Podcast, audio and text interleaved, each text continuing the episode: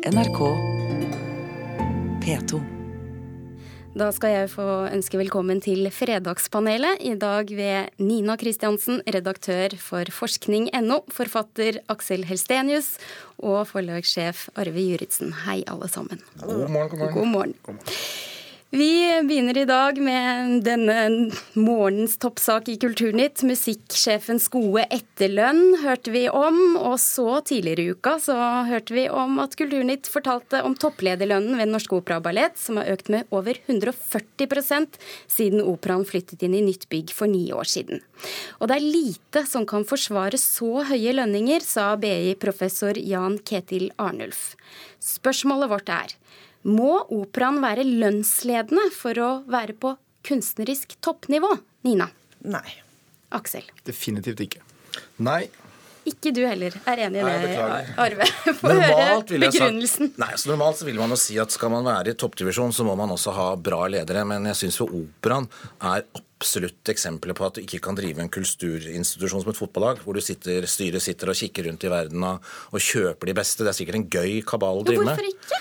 Nei, nå har vi jo sett at gang på gang på gang så går det rett på ratata. Eh, er, man bygger ikke en organisasjon, man forstår ikke å sette sammen når man kommer utenfra, som en del av disse har gjort. Og så synes jeg det er helt tydelig hvordan man skal gjøre det. Altså Hvis du ser på Ingrid Lorentzen, som kommer fra det største vepsebordet i det store vepsebordet Operaen, altså danserne, og får til å bli en god leder fordi hun har de talentene, og noen har sett, styret har sett det talentet. Samme ser vi ved Nasjonale Scene i Bergen og Nationaltheatret, hvor man også rekrutterer kunstneriske ledere som også kan administrere. Så det å drive en kunstnerisk organisasjon er nok helt annerledes enn å drive Norsk Hydro. Det syns jeg Operaen er et godt eksempel på. Og så er det trist å se hvordan pengene forsvinner til eh, folk som ikke gjør jobben sin. Men nettopp derfor burde man ikke få godt betalt, fordi det er en kompleks og stor organisasjon? Altså, jeg tenker sånn at uh, dette, er, dette er skattebetaleres penger, dette er kulturpenger. Det er begrenset uh, hvor mye staten kan sette av til kultur. Og da må det meste gå til produksjon. Opera er kjempe, kjempedyrt. Uh, og etterlønninger, som vi nå har hørt om, og ikke minst pensjoner, gjør det jo på en måte enda dyrere. Og da er det ekstremt viktig at man holder sånn lederlønninger nede, og, tror jeg, organiserer det på en annen måte enn Dette er ikke privat næringsliv. Og når det sitter styrer som bare er private næringsliv, sitter et styre der hvor ingen kan opera, eller veldig, veldig få, og man sitter og holder på med headhuntere og, og sånn, og det bare, det, det bare velter på med penger. Jeg tenker Det er litt sånn som amerikansk filmbransje, hvor skuespillere har agenter, og det har de av én eneste grunn. Det er for å få opp honorarene sine. slik at Det sitter et sånn mellomledd mellom dette her, som har som jobb å skaffe mer og mer og mer penger til enkeltpersoner. Det er, jeg mener er helt feil.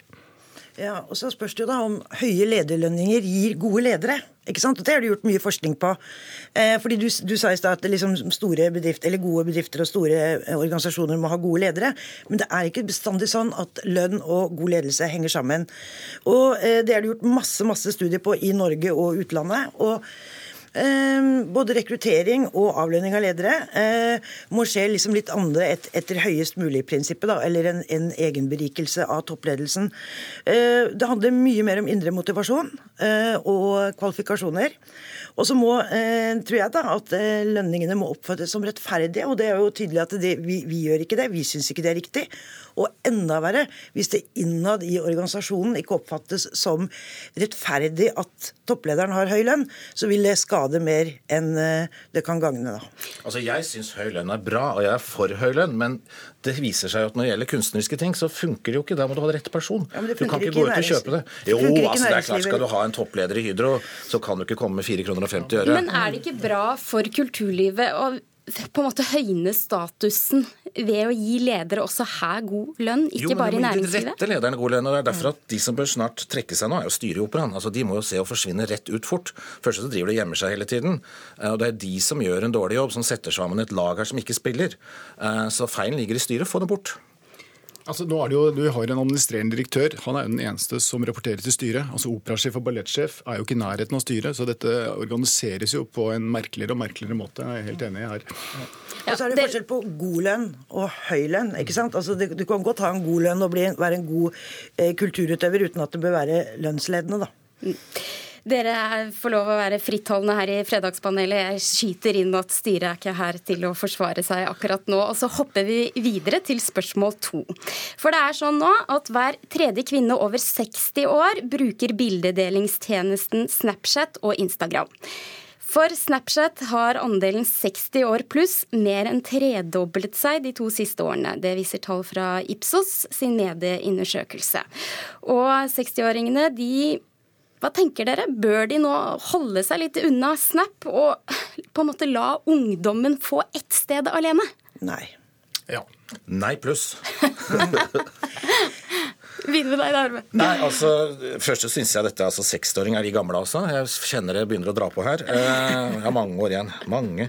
Nei, vet du hva. Altså, jeg tror at vi nå holdt jeg på å si vi gamlingene, det sa jeg ikke. Kan du spole tilbake? her? Godt ikke er direkte. Eh, de som er gamle, det, altså at de er på Snapchat og sånne ting, det er ganske lurt. fordi at da vil jo ikke ungdommen være der lenger, som du sier. Og hva skjer da? Jo, da finner de smarte programmererne på noe nytt. Mm. Så det at gamle går inn på hippe, kule ting, pusher grensene til å skape nye ting, tenker jeg. Så jeg vil oppfordre nå alle over 14 til å logge seg på Snapchat, og spesielt vi som er over Ja, Hva bruker du Snap, 29. Snap til, Arve? Åh, nå skal jeg liksom virke litt kul, nå skal jeg være ærlig, så syns jeg Snapchat er noe ordentlig møkk. Jeg syns det er kjedelig, og det forsvinner altså, nå, skal jeg si, nå skal jeg si noe dumt. Det forsvinner så fort i bilen, jeg får ikke med meg. Så da vet du hvor ung jeg er. Søren også. Jeg, har tenkt å, ja. jeg kan ikke ljuge på meg den der, altså. Var det du som var uenig i dette? Ja, jeg mener ungdommene bør ha noe. Altså, jeg, jeg, tenker, jeg er ikke på Snapchat, ikke på Instagram, og jeg er på Facebook og litt annet. Og jeg ser jo at for det første går jeg altfor mye tid på det. Og det at man har enda flere sånne applikasjoner og sånt, nå gjør at man bruker enda mer tid. Så jeg er jo sånn moralsk indignert overfor dette som rett og slett bare gjør oss enda mer avhengig. Altså, dette er jo et dop. Det ser jeg jo når du ser på bussen og sånt nå.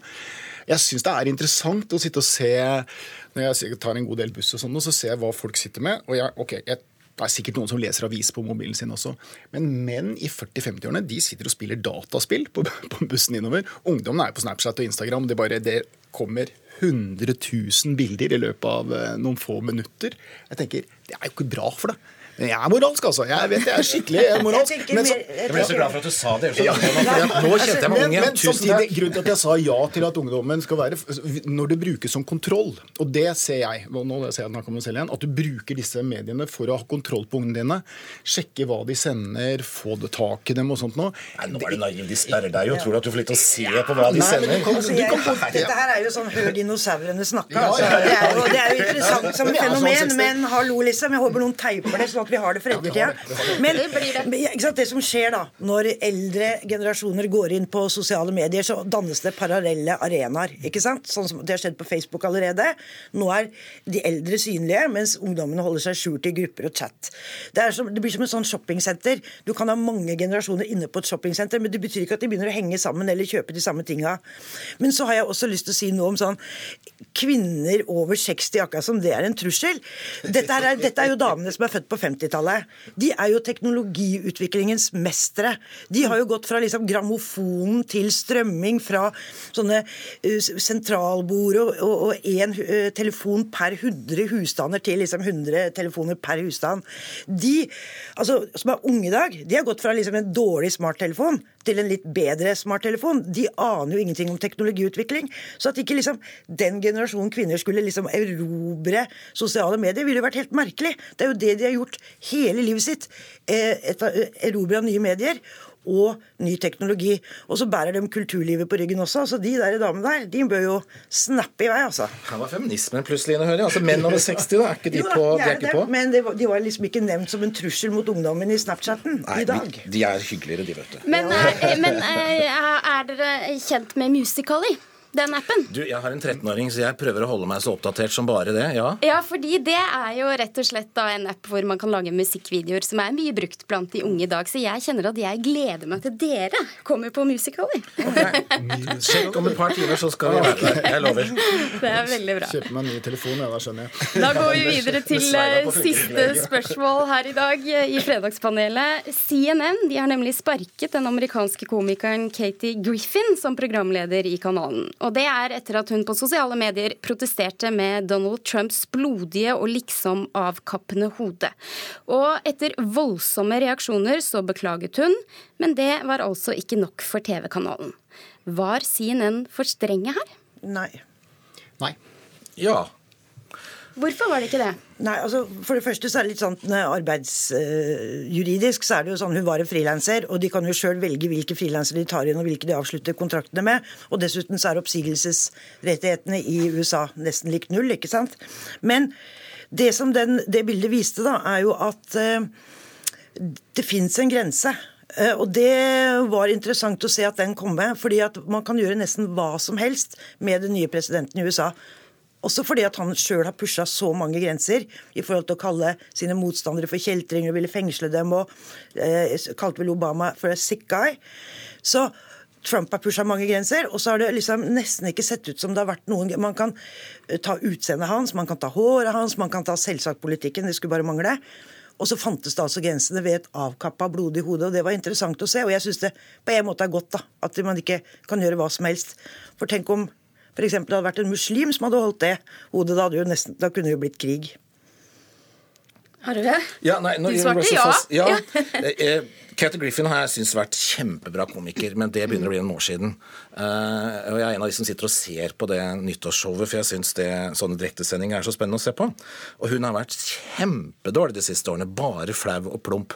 Så det CNN gjør her, er jo å bruke en gyllen anledning til å se fine ut for å kvitte seg med en som ikke leverer lenger, tenker jeg. Derfor så svarte jeg at ja, de var for strenge. De mm. kunne bare sagt at hun er for dårlig. Mm. Det, og dette stuntet er jo ikke morsomt heller. Uh, så jeg tenker at her Det er ikke morsomt, men samtidig så satire er jo en uh, hårfin, vanskelig balansegang. Uh, selv om jo, man er enig om at dette var over streken. Men det er jo ikke alltid like lett som komiker å se De altså, prøver jo hele tiden å tøye grenser. Ikke, ja, nettopp. Og det er ikke noe gøy. altså Det tøye grenser er vi så ferdig med. Det liksom, tenker jeg, altså Komikere som tøyer grenser, det er komikere som er på rutsjebane nedover. Uh, og jeg så ikke noe satire i det. Jeg så ikke noe satire i dette bildet. Det var bare dårlig og kjedelig. sjokkerende, men ikke noe, noe snert i hele tatt. Ja, altså Jeg er jo ikke noen Trump-fan. Det er vel ikke så mange i Norge som er. Men allikevel så jeg, så prøvde jeg å oversette dette og se hvis dette er Erna Solbergs hode, da. Hvis det er noen av våre komikere som gjør dette her Jeg vet jeg har veldig veldig vanskelig for å se det for meg. Og ta Obamas hode, du var liksom inne på muslimer. altså En hvit som holder et svart hode, for. Altså, det er ikke ikke bra.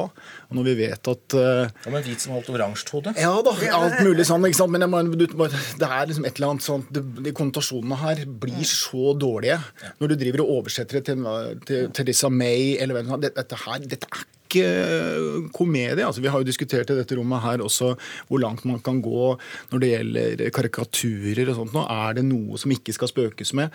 Og sånn, ja, jeg mener at dette ikke skal spøkes med, fordi at det gir et signal som overhodet ikke er bra. Så, det, jeg, så derfor... selv ikke en beklagelse er godt nok for dere? Nei, ja, Beklagelsen var jo det morsomste med hele stuntet. Hvis du går inn og ser på YouTube, på, så er jo beklagelsen mye mer gøy enn selve stuntet. Anbefales. Da sier jeg tusen takk til dagens fredagspanel, som besto av Arve Juritzen, Aksel Helstenius og Nina Kristiansen. Hør flere podkaster på nrk.no podkast.